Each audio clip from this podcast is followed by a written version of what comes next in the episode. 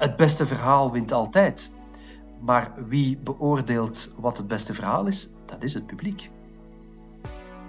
Welkom bij de Public Affairs Academie podcast. De podcast die je bijpraat op het gebied van belangenbehartiging, lobby en public affairs.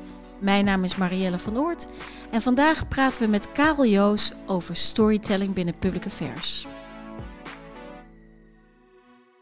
Karel Joos, van harte welkom eh, bij deze podcast van de Public Affairs Academie. Uh, om je heel kort te introduceren, je bent lobbyist in België, uh, schrijver van het boek Lobbyen, Invloed, Inzicht en Impact. Hoe bedrijven en beleidsmakers, kunnen over, hoe bedrijven beleidsmakers kunnen overtuigen. En je hebt een boek, een nieuw boek geschreven, Boeien, met ver verhalen binnenkomen bij beleidsmakers. Uh, wij kennen elkaar wat langer. Uh, wij mogen elkaar tutoyeren. Um, dus uh, hartelijk welkom. Dankjewel. Um, ik wil eigenlijk eerst vragen aan je, Karel. Um, he, waar, wat houdt jou op dit moment in de actualiteit bezig? Ja, wel, van, vandaag, deze dagen, um, hebben we in, in, in Vlaanderen een, een, een heel belangrijk dossier dat eigenlijk ook met storytelling te maken heeft. Um, in de haven van Antwerpen is er een chemisch bedrijf al heel lang gevestigd, dat heet 3M, dat is een Amerikaans bedrijf. Uh, en er is sinds uh, vorige zomer een enorme beleidscontroverse ontstaan over uh, vervuiling met, met de zogenaamde forever chemicals, hè? Ja. PFOS en PFAS. Um, en um, het bedrijf is ondertussen ook al voor, uh, voor, uh, voor het parlement moeten verschijnen, wat, um, waar ze op heel wat vragen hebben gezegd, ja, daar kan ik u niet op antwoorden, of daar wil ik u niet op antwoorden. Uh, wat, tot, wat tot enorme consternatie bij, bij parlementsleden leidde. En wat nog maar eens aantoont um, wat, een, wat, een, wat een, een diepe kloof er soms is tussen de publieke sector en de private sector. Um, en hoe de verhalen die het fundament vormen van die publieke en die, en, en, en die private sector, die privésector, um, ja, toch zo moeilijk met elkaar uh, gealigneerd te krijgen zijn. En uh, ik praat er trouwens over, ook, ik praat er ook over in mijn boek, in het laatste hoofdstuk, um, over het concept duistere bondgenoten. En eigenlijk zou je bedrijven kunnen zien, kunnen bekijken als, uh, als duistere bondgenoten. Um, de meeste mensen hoef je niet meer te overtuigen van het belang van bedrijven in de, in de, in, in de creatie van welvaart. Um, en zeker in de westerse wereld. Dus ze brengen ook veel goeds. Maar soms brengen ze ook minder goede dingen. En soms zijn er ook aspecten um, aan hun bestaan, hun activiteiten, ja, die, um, die minder fraai zijn. Um, maar dezelfde dingen vind je terug in die moreel ambiguë personages. En wij zijn daar als kijkers, als publiek, enorm in geïnteresseerd, omdat we natuurlijk zelf nooit 100% goed of 100% slecht zijn. Dus we maken daar als vanzelf een, een, connectie mee en we zijn er ook nieuwsgierig naar. Ja. Um, dus als je dat zou overplanten naar de bedrijfswereld, zou je dat ook als iets positiefs moeten kunnen bekijken. En, en, en, en dat je daardoor als bedrijf uh, een betere connectie opbouwt met het publiek. Um, maar, maar, maar dat zie je dus niet in de praktijk. En dan kom ik terug op dat voorbeeld uit de, uit de actualiteit, uh, 3M. Um, ze worden neergezet als, uh, als uh, de baarlijke duivel. Hè? Ja. Um, die, uh, die, die niks goeds in het, in het schild voeren en die er blijkbaar dan toch alleen maar op uit zijn om de wereld om zeep te helpen. Um, dat is natuurlijk in de media is dat een beeld dat al te zeer is opgeschoven of wordt opgeschoven uh, naar, naar, um, naar, naar, naar de donkerdere aspecten van bedrijven. Um, en, en, en ik vind dat overdreven. het is voor een stuk niet te vermijden. Het valt voor een stuk niet te vermijden. Maar ik zou, ik, ik, ik zou liever zien dat bedrijven zich meer karakteriseren of, of, of door meerdere kanten te laten zien van hun realiteit. Je, je, je ziet het vaak in hun marketing, dat ze natuurlijk alleen maar het goede tonen en, en soms zelfs doen alsof dat zij de, de enige redders van de wereld zijn. Um, en dat is een beeld dat natuurlijk uh, niet overeenkomt met de realiteit. Ja, je zei dat uh, net dat de ver, het bedrijf geen verhaal had in het, in het, uh, in het parlement. Um, ja. Is het dan ook vooral het feit dat men geen verhaal heeft wat zo ja, zeg maar, triggert in, in het parlement zelf, in het maatschappelijke veld, in de publieke opinie? Ja, ja weet je wat het is? De, het, het, het, het basis en het, en het klassieke verhaal basisverhaal, het klassieke verhaal van een bedrijf is natuurlijk minder kosten, meer winst. Um, maar dat is een, en dat is waar natuurlijk, en dat is ook noodzakelijk. Maar het is een verhaal dat geen enkele politicus nog boeit. Hè. De, ja. de, de neoliberale plot is, is, is, is, is, is versleten. Uh, niet totaal versleten, maar er is toch een grote nood aan het, aan het herdenken en het nieuw leven inblazen in, het, uh, in uh, de, de, neoliberale narrative, zoals de Engelsen dat dan zeggen. Um, en, en, en en natuurlijk hoor je, hoor je veel bedrijven met de mond vol van wij hebben ook een maatschappelijke opdracht en, en, en, en, en wij zitten niet op een eiland en het gaat niet alleen om winst. En dat is allemaal heel waar. Maar als puntje bij paaltje komt, uh, merk ik toch dat nog heel wat bedrijven dan toch terugvallen op, uh, en zeker in hun public affairs campagnes, uh, al dan niet expliciet, dat ze, die, dat ze terugvallen in minder kosten, meer winst. Of dat het daar toch op neerkomt. Ja. En dat is natuurlijk, ja, dat is gewoon geen boeiend verhaal. Het, het, is ook nooit een boeiend verhaal geweest, vind ik. Um, maar het is, vandaag, het is vandaag absoluut onvoldoende om een connectie te maken met, uh, met name met, met de beleidsmakers, om je belangen te behartigen, zodanig dat zij positieve actie ondernemen. Want dat is toch uiteindelijk wat je wil. Dus, dus je hebt meer nodig. En veel bedrijven vermoeden of, of, of, of kunnen niet vermoeden welke rijkdom aan verhalen ze kunnen gaan vertellen. Want ze hebben echt wel meer te vertellen dan, dan uh, minder kosten, meer opbrengst. Ja.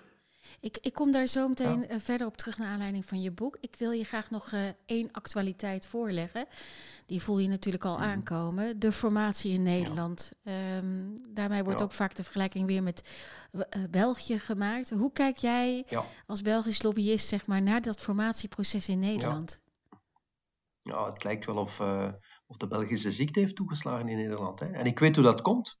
Uh, dat, heeft, dat heeft heel veel te maken met de versplintering in het partijlandschap en dus de grotere nood aan het bijeenpuzzelen van een coalitie om een meerderheid in het parlement te, te krijgen. En die puzzelstukken, ja, dat zijn linkse puzzelstukken en rechtse puzzelstukken. En dan kom je dus op een punt waarin je water en vuur moet gaan, moet gaan uh, vermengen of een huwelijk moet smeden tussen water en vuur. En dat is nu eenmaal uh, niet makkelijk.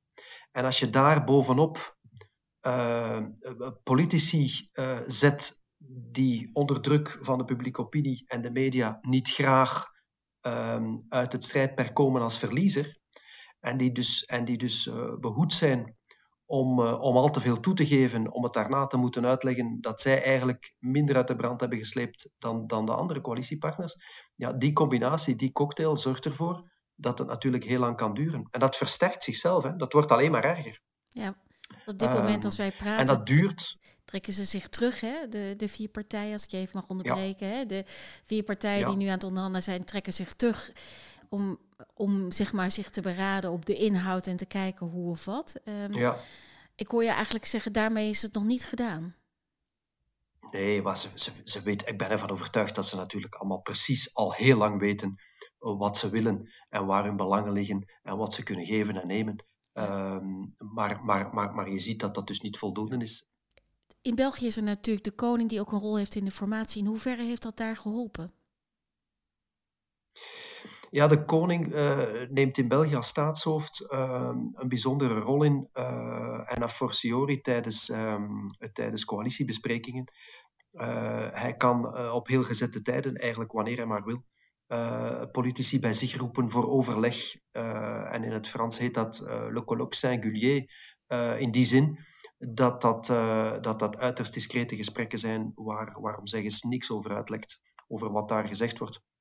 En het is ook het moment waarop politici uh, uh, vrijuit kunnen, kunnen, kunnen, kunnen praten met de koning. Hij heeft, in deze dan ja, een politieke rol en, is, en is een element, is een katalysator in het, in het vooruitgang creëren in die coalitiebesprekingen. Um, want hij staat eigenlijk boven de partijen. Um, en dat is een voordeel. Uh, natuurlijk, je zou kunnen zeggen, ja, maar bedoel, um, het heeft dan toch al een paar keer heel erg lang geduurd. Maar dat, dat, dat, ligt niet, dat ligt niet aan het staatshoofd. Dat, dat ligt niet zozeer aan het staatshoofd. Dat heeft te maken met, met die situatie van versplintering En dat je heel veel uh, partijen nodig hebt, of, of meerdere partijen nodig hebt, die zich vaak links en rechts van het spectrum uh, bevinden, waardoor je ja, water en vuur moet, moet verenigen. Hè. Ja, laten we het over je boek gaan hebben. Um, boeien verhalen uh, binnen, met verhalen binnenkomen bij beleidsmakers. Je hebt eerder het boek geschreven Lobbyen, Invloed, Inzicht, Impact. En wat ik daar zo mooi aan vond, is dat je daar aan de voorkant begint met een prachtig verhaal. Um, over mhm. een appelboomgaarde, uh, waar uh, het een en ander aan, uh, aan fossiele bronnen moet wo onder worden geboord, om maar even zo te zeggen. En je mhm. daar eigenlijk op basis daarvan het hele rest van het boek ons meeneemt in jouw weging rond lobbyen. Dus toen ik um, dit Klopt. verhaal zag, tenminste deze aankondiging zat van, van jouw nieuwe boek, binnenkort ook verkrijgbaar in Nederland, dacht ik, ja, het is eigenlijk een hele logische volgende stap gezien het eerste eerste boek wat je schreef. Um, welke ervaring heb jij Klopt. meegenomen vanuit dat eerste boek wat je schreef naar dit boek? Ja, dat is, de, de, wel, het, het, het komt er inderdaad ook rechtstreeks uit voort, omdat er in mijn boek over lobbyen staan er een aantal bladzijden over storytelling. Um, en ik heb altijd het gevoel gehad dat in die bladzijden uh, een heel boek zat.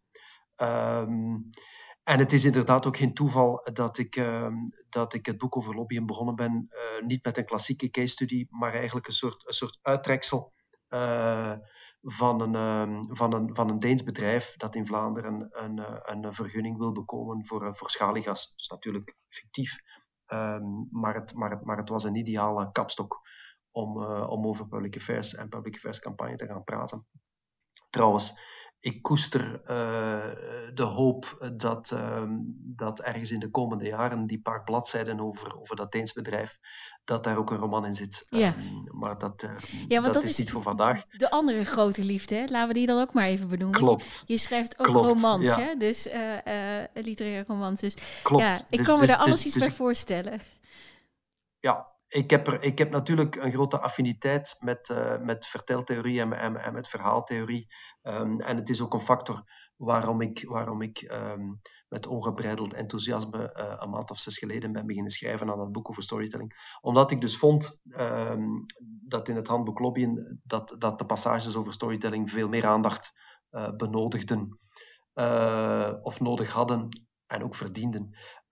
En ik heb de voorbije jaren in een eerste fase een, um, een halfdaagse workshop in elkaar gestoken om um, uh, het bewustzijn rond, het, rond de kracht en het belang van verhalen voor bedrijven uh, te gaan voeden en te gaan voorstellen aan, aan mensen uit het bedrijfsleven en uit organisaties. ik ben zelfs ooit eens gaan spreken voor, voor de jeugdraad. Ehm, eh, die natuurlijk allesbehalve een bedrijf zijn, maar die, die ook een, een, belangrijk verhaal te vertellen hebben naar het beleid toe. En, die in een, heel moeilijke lobbypositie zitten, omdat ze natuurlijk weinig hefbomen hebben, per definitie, omdat ze nu eenmaal zijn wie ze zijn. Want de jeugd stemt niet. Stemt niet. Uh, ze zullen later wel stemmen, maar op dit moment niet. Maar dat terzijde. Um, er zat dus veel meer in. Um, en, en, en, en tijdens die workshop begon de drang nog groter te worden om dat toch allemaal eens op papier te zetten en dat is, en dat is helemaal door te denken. En dat is het boek geworden. Um, ik, ik, ik, ik ben vertrokken um, vanuit de constatatie dat, er, uh, dat dat een enorm uh, braakliggend terrein is uh, bij bedrijven, naar beleidsmakers toe. met de constatatie dat, dat politici en, en, en journalisten daar veel beter in zijn, in verhalen vertellen, en activisten nog veel beter. Um, en dan ben ik mij gaan afvragen, maar goed, um, hoe komt het nu toch dat wij allemaal als lezer of als film of als televisiekijker zo ongelooflijk geboeid kunnen zijn uh, door fictieverhalen? Um, en in welke mate kun je, kun je de technieken die daarin gebruikt worden om die aandacht bij het publiek te creëren en die band met het publiek te creëren, in welke mate kun je die technieken ook gaan toepassen in belangenbehartiging door, uh, door bedrijven en organisaties. Ja. Um, en je kunt inderdaad niet alles overnemen. Um, maar heel veel dingen wel. En het is, en het is kwestie uh, van ze te selecteren en van ze goed te begrijpen. Eer je ze kan gaan toepassen of herkennen. Hè? Want, want uh, het, het, het, het, het is te veel gevraagd om aan public affairs mensen uh, te zeggen van ja, nee, jij moet, eigenlijk, jij moet eigenlijk zelf een verhalenverteller zijn of je moet zelf verhalen kunnen creëren uh, die je dan kan gaan gebruiken in je belangenbehartiging. Het is ook een talent natuurlijk. Ja. Maar het helpt wel als je, als je een goed verhaal kunt herkennen. Ja. Je, je, maar dan moet je weten hoe het, hoe, het, hoe het in elkaar gezet is en waarom het werkt. Ja. En dat moest ik dus in dat boek eerst allemaal gaan uitleggen. En daarvoor heb ik uh, enorm veel voorbeelden gebruikt uit films en televisieseries en boeken, uit fotografie en uit kunst, om, om te laten zien van kijk, zo doen ze het.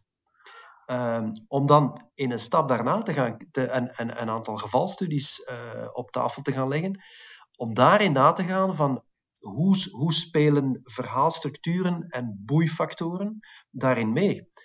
En hoe zorgen die ervoor dat bepaalde gevalstudies en bepaalde lobbycases na vele jaren nog altijd niet zijn opgelost en anderen die wel opgelost geraken? En waarom is dat dan? Om dan, op, om dan in het voorlaatste deel van het boek te gaan kijken naar uh, hoe gaan bedrijven nu om met verhalen en daar goede en slechte voorbeelden voor te zoeken en na te gaan hoe je dat dan kunt in, inpassen in public affairs campagnes. Om dan op het einde als besluit, hè, als seizoensfinale uh, van het boek, uh, te gaan praten en te gaan nadenken over, over bedrijven als duistere bondgenoten en of daar kansen in liggen in het verhogen van, van de connectie met het publiek en in het verhogen van de aandacht voor de belangen die bedrijven behartigen en, en, en in het makkelijker creëren van positieve actie daar rond, hè, want, want, want dat is wat je uiteindelijk wel wil. Ja, je zegt expliciet bedrijven um, waar je naar hebt gekeken. Betekent dat maatschappelijke organisaties hun verhaal wel op orde hebben voor jouw gevoel? Wel, die hebben, die hebben het makkelijker. Want uh, maatschappelijke organisaties hebben het, hebben het makkelijker. Um, omdat um, de kern van hun verhalen inderdaad in de maatschappij liggen en niet in het bedrijfsleven. Eh, het bedrijfsleven dat natuurlijk draait om blijven bestaan en winstgevend blijven bestaan. En zoals ik zei, in essentie minder kosten, meer omzet. Ehm, eh, en en, en een, ander, een ander aspect natuurlijk van maatschappelijke organisaties is uh, dat je daar meer mensen gaat vinden die er, die er met, met, met, met, met hart en ziel voor gaan. Activisten hebben dat ook. Hè? Ehm, ik zeg vaak, een goede activist is een slechte lobbyist. Um, omdat zij in hun passie uh, voor hun belangen eigenlijk uh, weinig openstaan voor compromis. Um, dat is een nadeel voor een lobbyist, maar dat is een voordeel voor een activist, omdat je op die manier geweldig passioneel met, met, met, met je verhalen kan omgaan. En wat ik in het bedrijfsleven nog altijd te vaak zie, dat zijn mensen waarvan je de indruk krijgt, maar geloof je dat nu allemaal zelf, wat je aan het vertellen bent? Ja. Uh, en een publiek voelt dat. Ja. Iemand die op een podium gaat staan, een kunstenaar die op een podium gaat staan, of een filmmaker of, of, of een schrijver, uh, je kunt daaraan voelen dat hij of zij uh, niet voluit meent wat, wat, wat, wat hij of zij toont of schrijft. Hè, en dat er dus te weinig op het spel staat. En dat is toch, dat is toch een, een hele belangrijke boeifactor. Wat staat er op het spel voor jou? Waarom, waarom, waarom, wil je dit, waarom wil je dit verhaal vertellen? Uh, en waarom, waarom zouden wij moeten luisteren? Je zegt ook... Uh, why, why should I care? Ja. Dat, dat, is iets wat, wat allicht veel beleidsmakers denken, hoor. Wat ja. zit ik hier naar jou te luisteren, man? Ah, ik weet eigenlijk al op voorhand wat je wil. Uh, en, en bedoel, dat boeit me niet. En B, maak nu ook eens connectie met mijn problemen als beleidsmaker. En dan kunnen we praten zit toch geen dingen door mijn strot te duwen, uh, zonder rekening te houden uh, met wat ik wil. ik overdrijf nu een beetje, hè? Maar, ja, maar, nou ja, ik vrees dat het nog vaak genoeg voorkomt. Ik vrees dat het nog vaak genoeg ja, voorvalt. Je, zegt, je, je, voelt natuurlijk de vraag al aankomen. In hoeverre heb jij dat ervaren, dat bedrijven op die manier bij ambtenaren aan tafel zitten? Ja, je zit er soms bij, hè? Maar, maar, maar we spenderen natuurlijk uh, heel, veel, heel veel tijd en energie in het nadenken over waar liggen onze belangen als bedrijf, hè, zo, uh, samen, met, uh, samen met de klanten, waar liggen onze belangen? En hoe kunnen we die brug maken naar de belangen van de andere stakeholders, van de andere vogeltjes die in het regenwoud zitten te kwaken en te kwetteren en, en, en, en te zingen, ieder van op zijn eigen tak. Uh, en, en, en dat aspect wordt toch nog altijd vaak vergeten. En, en ik, ik, ik moet het bij wijze van spreken wekelijks ervaren dat daar onvoldoende wordt over nagedacht. Omdat men het niet beseft of omdat men het niet wilt. Omdat men denkt van wij zijn belangrijk genoeg om ons daar niet mee te hoeven bezig te houden. Uh, en dat is toch wel opmerkelijk. Ja, is dan storytelling eigenlijk ook een soort van maatschappelijk omgevingsmanagement in dit geval?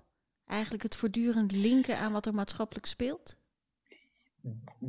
Dat, uh, daar zit wat te veel uh, reactiviteit in. In die zin, ja, verhalen komen uit jezelf.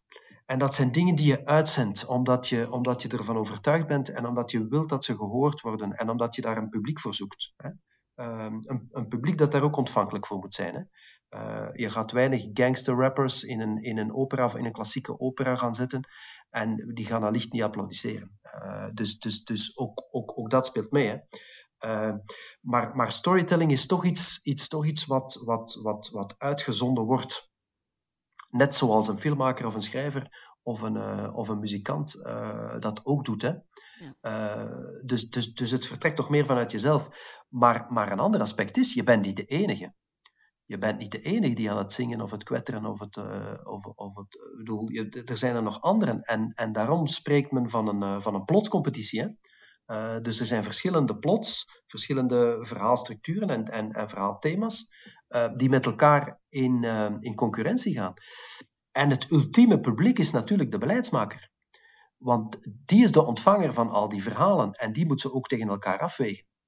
Uh, en, en, en dat is natuurlijk ook de kern van wat ze doen. Mocht het, mocht het zo simpel zijn dat het gewoon een optelling is van een aantal dingen uh, en dat geeft dan een bepaalde score en dat, en dat determineert dan de beslissing, ja, dan konden we onze politici door, uh, door robots vervangen. Hè? Of door artificiële intelligente organismen en dan konden we, ze, konden we ze in de cloud stoppen. En dan was alles opgelost. Ja, dat is het natuurlijk niet. Hè? Nee. Het, het, het, het, wezen van politiek is, is, is, is natuurlijk ook menselijke afweging. Maar ze worden natuurlijk bezongen langs alle kanten. Hè? Uh, en het beste verhaal wint altijd. En, en dat is een heel eenvoudig zinnetje. En een... Ja. Ga je gang. Nee, ga verder. Ja, het beste verhaal wint altijd. Maar wie beoordeelt wat het beste verhaal is? Dat is het publiek. Uh, en, en, en, en dat is ook meteen het enge aspect van storytelling voor bedrijven je geeft voor een groot stuk de controle van de impact uit handen. Het is, is heel anders dan dat je een reclamecampagne ontwerpt en opzet, uh, die, je, die je kan, die je kan uh, uitmeten uh, en, en, en, en, en de impact inschatten, zeker, zeker via de sociale media, die je heel, heel gefocust kunt gaan, kunt gaan structureren. Het, het, het, het, gebruiken van verhalen in, in belangenbehartiging is ook voor een stuk ja, hopen dat het publiek uh, je verhaal kan appreciëren. Hè? Want wat, wat als dat niet zo is? Hè? Dan ben je ver van huis. Hè? En ik ja. begrijp perfect dat veel bedrijven daarom uh, daar heel uh, reticent, hè? Heel, heel, heel, heel schuw rond kunnen zijn. Maar langs de andere kant, um, het draagt zoveel kracht in zich. En het draagt zoveel meer kracht in zich dan het, dan het door de strotduwen van feiten en cijfers en rationele argumenten uh, dat je toch tenminste uh, voldoende tijd zou moeten besteden om, het, om, om na te gaan of het voor jou ook een kracht kan zijn als bedrijf. Hè? Um, en het is dat koppelen van emotie aan ratio, dat is het geheim. En dat wil niet zeggen dat je een emotioneel sausje over feiten en cijfers schiet. Nee, ze zijn geconnecteerd. Uh, de emotie moet bijna rationeel begrijpbaar zijn. Als je in een film plots een personage ziet huilen en je weet niet waarom, ja, dan kan het je ook niks schelen. Het moet je... Maar als je begrijpt waarom dat personage huilt, ja, dan ga je het, dan ga je het allicht zelf ook voelen. En dan, gaat, en dan gaat de connectie en dan gaat het effect zoveel sterker zijn. Dus eigenlijk zeg je, je moet het begrijpen en het moet echt zijn. Het moet, het moet niet een trucje zijn. Klopt. En, en dat is natuurlijk ook uh, een valkuil, dat het inderdaad een soort appeltaartrecept wordt. Ja. Uh, vandaar dat ik vooraan in mijn boek een spoiler heb geschreven. Dit is geen receptenboek, want verhalenbakkers bestaan niet. Dat is een klein beetje kort door de bocht. Uh, maar het punt is, het is niet zo met verhalen dat je een aantal dingen bij elkaar zet, mengt, in de oven zet en dat er dan iets lekkers uitkomt. Uh, als het een formule wordt, ja, dan gaat het effect op het publiek ook veel minder of zelfs onbestaande zijn. Het moet inderdaad echt en gemeend zijn. En ook dat uh, kan ik mij voorstellen, kan wel een beetje eng zijn voor bedrijven, omdat ze zich dan op een terrein geven dat ze, ja, waar, ze, waar ze zich minder, minder comfortabel op voelen. Er was ooit iemand die tijdens de workshops de, op, de opmerking maakte: ja, maar dat, dat, kan, dat is allemaal best, hè, um, maar een financieel analist, dan moet je niet, de, bij zo'n mensen moet je niet afkomen met verhalen. Want die kijken alleen maar naar, naar, naar de cijfers. Ja, dat is dus niet waar. Zij interpreteren de cijfers en de ratio's en, en al de dingen waar ze mee bezig zijn, ook met op de achtergrond, wetens of niet wetens, het verhaal van dat bedrijf, de reputatie van dat bedrijf. En dat beïnvloedt hun kijk op de cijfers. Ja. Uh, en zo zie je dat er, dat er ook een rechtstreekse band is tussen storytelling en reputatiemanagement. Ja. En corporate reputatie. Heb je een voorbeeld van een, wat dat betreft, goed verhaal uh, van een bedrijf waarvan je zegt, ja, als je daarnaar luistert, daarnaar kijkt, um, het kort en bondig zeg ik dan maar even. Uh, dat, dat, dat, dat klopt. Dat is wat overtuigt ja. in die belangenbehartiging. Heb je een voorbeeld voor ja. ons? Ja. ja, ik beschrijf er een aantal in, in, in uh, mijn boek.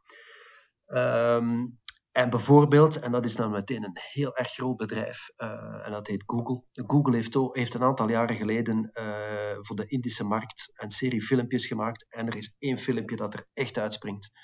Um, uh, dat gaat over, over, over twee oude mannen, een, een Indiër en een Pakistan, die, jeugd, die, die kindervrienden waren voor, voor 1947, wanneer, wanneer India en Pakistan gescheiden zijn, de partition. Dat is een politieke wonde die er vandaag nog altijd is. Zij hebben dat concept en dat thema gebruikt om op een paar minuten een heel simpel verhaal te vertellen over twee vrienden die elkaar terugvinden. Dankzij Google Search. Maar dat merk je niet tijdens dat filmpje. Dat merk je pas heel op het einde als het logo van Google uh, verschijnt. Um, en de impact is werkelijk. Ik raad iedereen aan om op Google in te tikken, uh, om op YouTube in te tikken, uh, Google Reunion en te kijken. Je weet niet wat je ziet. En dat is maar één voorbeeld. En dat is natuurlijk een extreem voorbeeld. Um, want, want, want bedrijven kunnen ook heel wat effect sorteren, uh, zelfs zonder audiovisuele middelen. Alleen maar door, door, uh, door beelden te gebruiken in hun taalgebruik. En door de dingen dus aanschouwelijk voor te stellen met woorden. Dat heb ik doorheen het hele boek moeten doen, want ik kan natuurlijk geen filmpjes plakken in mijn boek. Uh, dus ik heb, ik heb me ook enorm geamuseerd in, uh, in het oproepen van beelden en in het beschrijven uh, van bepaalde audiovisuele dingen, zodanig dat terwijl je het leest, dat je het wel ziet. Ja. Uh, maar ook heel simpel, het gebruik van metaforen uh, kan, al, kan al heel krachtig zijn. Als je zegt dat het, dat het bijvoorbeeld in, in een of ander persbericht of, of, of in een of ander position paper, dat het, het deficit van de sociale zekerheid problematisch is, ja, dan, dan zullen mensen wel knikken en zeggen, ja, het zal wel zeker, ja, ja kan, uh, ja, als ik de cijfers zie, ja, akkoord. Maar als je zegt, het vangnet van de sociale zekerheid staat op scheuren, ja, dan heb je meteen een beeld opgeroepen. En dan zien, denk ik toch, de meesten onder ons een vangnet hangen, goed gevuld. De eerste scheurtjes uh, treden op. En, en de, de, volgende gedachte die je hebt is, ja, wat gaat er gebeuren als het scheurt? En je ziet het al, je ziet het al gebeuren. Zo simpel kan het zijn. Hey, Zo simpel kan het zijn. En Karel, is dat dan ook een stuk van framing? Of zeg je framing en storytelling is echt iets anders? Vult het elkaar aan? Het is anders, maar uh, ja, vult het elkaar aan? Elke, ja, elke verhalenverteller is een leugenaar natuurlijk. Um, want, want, en zeker in fictie. Maar dit gezegd zijnde, ja, bedrijven hoeven eigenlijk geen fictie te gebruiken. De verhalen zijn daar in de realiteit. He, ze, moeten, ze, hoeven zelfs, ze hoeven zelfs niet noodzakelijk personages uit te vinden. Ze lopen gewoon rond in dat bedrijf. He. Uh, maar, maar, maar framing, ja, framing heeft natuurlijk een, een, een, een hele negatieve bijklank gekregen. Uh, maar, maar je manipuleert in zekere zin wel je publiek. Uh, dat wist Aristoteles al. Die heeft uh, een paar duizend jaar geleden al een handboek geschreven over storytelling. Uh, dat heet Poetica. Hè. in het Grieks heette het Peripoietikais. Maar, maar dus dat was eigenlijk een soort scenario-schrijfcursus hè, voor, het, voor, voor het Griekse theater van die tijd. En al de dingen die wij vandaag nog gebruiken, staan daar al in beschreven. Plot, personage, catharsis, kantelpunt, peripetie. dus dus een goed verhaal vertellen is ook natuurlijk een kwestie van techniek. En techniek is een kwestie van structuur. En structuur is een kwestie van, van het manipuleren van je verhaalinhoud. Dus ja, je kunt zeggen, je formateert bepaalde dingen onder de vorm van een verhaal. Maar eigenlijk gaat het toch over het overbrengen uh, van, van, van de inhoud van dat verhaal en ervoor zorgen dat het effect op het publiek ook maximaal is in termen van connectie en in termen van in beweging komen. De Engelsen zeggen dat heel mooi, to be moved. Hè, betekent ja, oké, dus, dus, dus daar, zit, daar zit een emotionele component in. Maar to be moved is ook letterlijk in beweging komen. Emotioneel in beweging komen ten opzichte van het verhaal, maar dan ook in beweging komen in termen van acties in het, in het kader van belangenbehartiging. Want dat is uiteindelijk wat je wil. En ja, dat, dat, dat, dat kan manipulatief klinken, um, maar een eerlijk verhaal, ja, daar, daar kun je toch niet tegen zijn. Nee. Wat, wat daarentegen eh, knullig en dom is, is, is eh, je verhaal verknoeien door het slecht te vertellen. Of door het helemaal niet te vertellen. Dat is natuurlijk het allerergste. En wat is ehm, slecht vertellen in deze? Eh, Kun je daar een voorbeeld van geven? Bijvoorbeeld door het obstakel onvoldoende duidelijk te maken. een goed verhaal heeft eigenlijk drie componenten, zeker als je het wil gebruiken in een bedrijfscontext. Je hebt een personage en die moet iets willen. Daar moet een streven in zitten. En, en tussen, tussen het, het bereiken van die pot vol goud, hè, die beloning, dat streven, die catharsis, daar moet, een, daar moet een obstakel tussen staan. Anders heb je geen verhaal. Als je zegt, Mieke gaat naar de bakker, dat is geen verhaal. Mieke gaat naar de bakker en ze heeft geen geld bij, dat is wel een verhaal. Want dan heb je, dan heb je een obstakel. Of Mieke gaat naar de bakker, ze heeft wel geld bij, maar de bakker zegt, ik verkoop jou geen brood. En wat is het effect op het publiek van dit ongelooflijk simpele uh, verhaaltje? je neemt positie in. Je neemt positie in ten opzichte van de bakker, ten opzichte van het meisje uh, en, en ten opzichte van het obstakel. Het feit dat ze geen geld mee heeft, ik, ik neem aan dat de meeste mensen dan onmiddellijk denken, waarom? Ja. En, uh, bedoel, ach, dat arme meisje. Ze, ze, ze, uh, haar, haar, haar, haar ouders en haar broers en haar zussen hebben misschien honger. En ze wordt naar de bakker gestuurd zonder geld in de hoop dat die bakker het medelijden een brood gaat geven, of zoiets. Ik ga in mijn boek zo'n paar bladzijden door met allerlei variaties en, en, en, en, en opties, allemaal vertrekkend van, van, van, van, van die simpele situatie. Maar het resultaat is altijd hetzelfde. Je bent als publiek betrokken. Ja, Karel, en je zegt dus eigenlijk die betrokkenheid is eigenlijk dat je vragen gaat stellen, dat je emotie voelt, dat je verwonderd bent. Dat is wat het moet doen. Klopt. En dat kan natuurlijk negatief zijn ook. Hè. Je kunt ook negatieve betrokkenheid hebben. Hè. Iedereen, iedereen vindt de slechterik in de film uh, een slechterik en, en, en, en de meeste mensen supporteren niet voor de slechterik. Uh, dus je moet ook zorgen dat je als bedrijf in het bredere verhaal ook de slechterik niet bent. En dat zie je dan uh, in Vlaanderen, in, in, in, in, in de haven van Antwerpen, met 3M gebeuren. Ja, dat is nu de slechterik. Als je in die hoek zit, ja, daar vallen de klappen. en dan roept het publiek boe en gooit het met tomaten. Ja. ja, dat, dat is niet de hoek waar je wil zitten. Het heeft ook geen zin om in de hoek van de hel te willen gaan zitten. Hè. Uh, bedrijven zei Batman niet, of Ethan Hunt uit Mission Impossible. Ik bedoel, dat, dat, dat, er is ook geen mens die dat gelooft. Maar soms krijg je de indruk uh, uh, dat bedrijven dat wel van zichzelf geloven. En dan verbaasd zijn dat het publiek het niet gelooft. Ah, dat, is, dat is toch allemaal heel vreemd, vind ik, vind ik dan. Ja, ja ja. Je geeft ook in het boek aan, hè, het gaat er niet om wat je denkt, maar hoe je denkt. Dat vind ik wel mooi hoe je dat verwoordt nu eigenlijk. Het gaat dus ook heel erg ook over hoe je over jezelf nadenkt.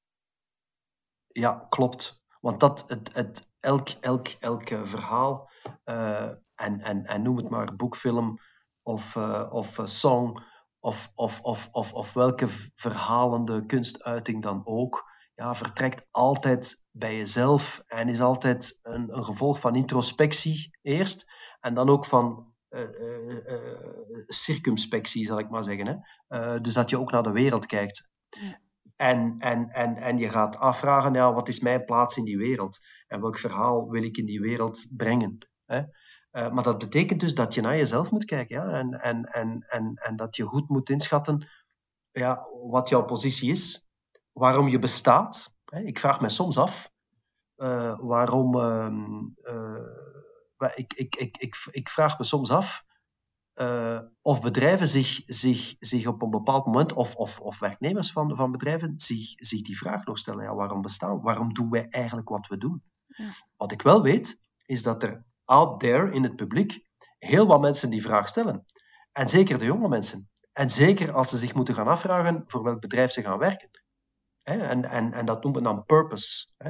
Uh, ik, ik heb de indruk dat de aandacht voor purpose in de, in de buitenwereld vele keren groter is dan in de bedrijfswereld. Uh, alhoewel er natuurlijk genoeg bedrijven zijn uh, die, daar, die daar heel hard en heel ernstig over nadenken. Uh, waarom bestaan we? Waarom doen we wat we doen? Het, er wordt allicht veel over, over gepraat, maar, maar ik, ik, ja, ik, ik, ik vraag me toch regelmatig af of, of zich dat dan ook vertaalt in echte actie. en normaal zou je dat ook moeten kunnen vertaald zien in eh, de verhalen eh, die die bedrijven vertellen en dan niet de marketingverhalen. Ja, als je dat zo zegt, hè, van eh, de purpose, het, het wordt van belang wie je bent en, en inderdaad, wellicht is de buitenwereld daar veel meer mee bezig dan de binnenwereld. Um, is, het, is het vanzelfsprekend dan voor jouw gevoel dat bedrijven steeds meer die vragen gaan stellen of is daar nog iets extra's voor nodig? dat ze steeds minder vragen gaan stellen aan zichzelf ja, of, nou, aan, is er of aan iets nodig om Is er iets nodig voor bedrijven om die vragen steeds meer aan zichzelf te gaan stellen? Wat die purpose is, wat hun verhaal is. Wat is de trigger voor hen om dat te gaan doen? Hè? Je, je beschrijft ja. uh, net ook in, in, je, in, in je boek, maar ook net uh, hier van ja, waarom het zo van belang is. Nou, hoe gaan we die bedrijven wakker schudden? Ja, wel, ik, ik, denk, ik denk dat ze nu toch wel genoeg redenen hebben om wakker te worden. En ik neem aan dat de meesten wel, wel heel erg wakker zijn ondertussen. Um, als je ziet, als je ziet uh, hoe, hoe, hoe moeilijk belangenbehartiging wordt, omdat er zoveel mensen aan het meekijken zijn, um, die allemaal toegang hebben tot, tot, tot, tot, tot enorm veel communicatiekanalen. Uh, dat, lijken, dat, lijkt me toch, dat lijken me toch redenen genoeg om, um, om toch eens te gaan nadenken van hoe kunnen we onze belangenbehartiging slimmer, beter, uh, het, het, het, doelmatiger aanpakken. Hoe kunnen we opnieuw uh, die connectie met die andere kant van de tafel en met de andere kanten van al die tafels uh, die er ook nog in de ruimte staan, hoe kunnen we die nu, nu, nu zo goed mogelijk gaan maken en, en, en zo duurzaam mogelijk gaan maken? En opnieuw, ik ben er rotsvast van overtuigd dat met feitelijke argumenten en met, uh, met, met, met rationaliteit, ja, daar, daar, daar kom je niet al te ver meer mee. Nee. Omdat de rest van de wereld veel emotioneler is geworden. Verhalen zijn overal. Iedereen met een sociale media-account, met een sociale media-account, is een verhalenverteller. Uh, de, meesten, de meesten hebben bijzonder weinig publiek, maar er zijn er ook die, die, heel, die heel veel publiek hebben. Iemand met 100.000 volgers heeft, heeft meer oren dan de gemiddelde krant, hè? Ja. Uh, bij wijze van spreken. Ja. Uh, dus dat, dat moet toch iets zijn waar je, over, waar, waar, waar, waar, waar je als bedrijf over, over nadenkt en, en, en, en, en een groter bewustzijn aan de dag legt voor al die andere concurrerende plots uh, die uitgezonden worden. Ja. Kan, kan iedereen verhalen vertellen, tot slot, uh, Karel? Kan iedereen die verhalen vertellen worden? Nee.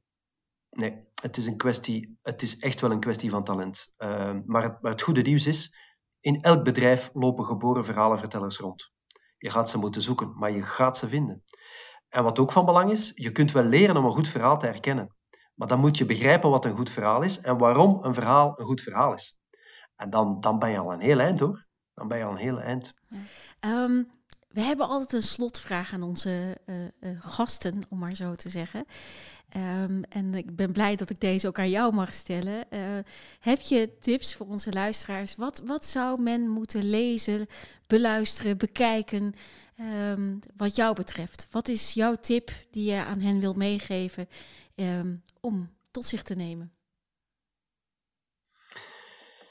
Lees mijn boek en kijk dan naar films, kijk naar televisieseries, lees, lees, uh, lees uh, fictieverhalen. Kijk naar politici en kijk naar journalisten. Uh, en kijk naar activisten. En tracht na te gaan wat ze goed doen en wat ze niet goed doen op het vlak van, van storytelling. En daar, daar vul je je dag mee hoor. Ja, ja. Ik kan me daar iets bij voorstellen. Heel veel dank uh, voor uh, je prachtige verhalen, als ik zo vrij mag zijn. En uh, ik ga met zeer veel interesse dit boek lezen. En één ding is duidelijk: storytelling is niet meer weg te denken uit belangenbehartiging, uit public affairs, wat jou betreft. En jouw niet-receptenboek gaat ons vast inspireren. Heel veel dank. Dankjewel. Wil je het boek bestellen Boeien met verhalen binnenkomen bij beleidsmaker van Karel Joos? Ga dan naar de website van zijn uitgever Lano Campus. Het boek zal ook verschijnen in de betere boekwinkels vanaf begin december. Dit was de Public Affairs Academie podcast. Wil je nu meer informatie over de Public Affairs Academie? Ga dan naar onze website www.pa-academie.nl en kijk daar naar onze trainingen, workshops, maar ook recensies van andere boeken. Over twee weken zijn we er weer. Tot dan.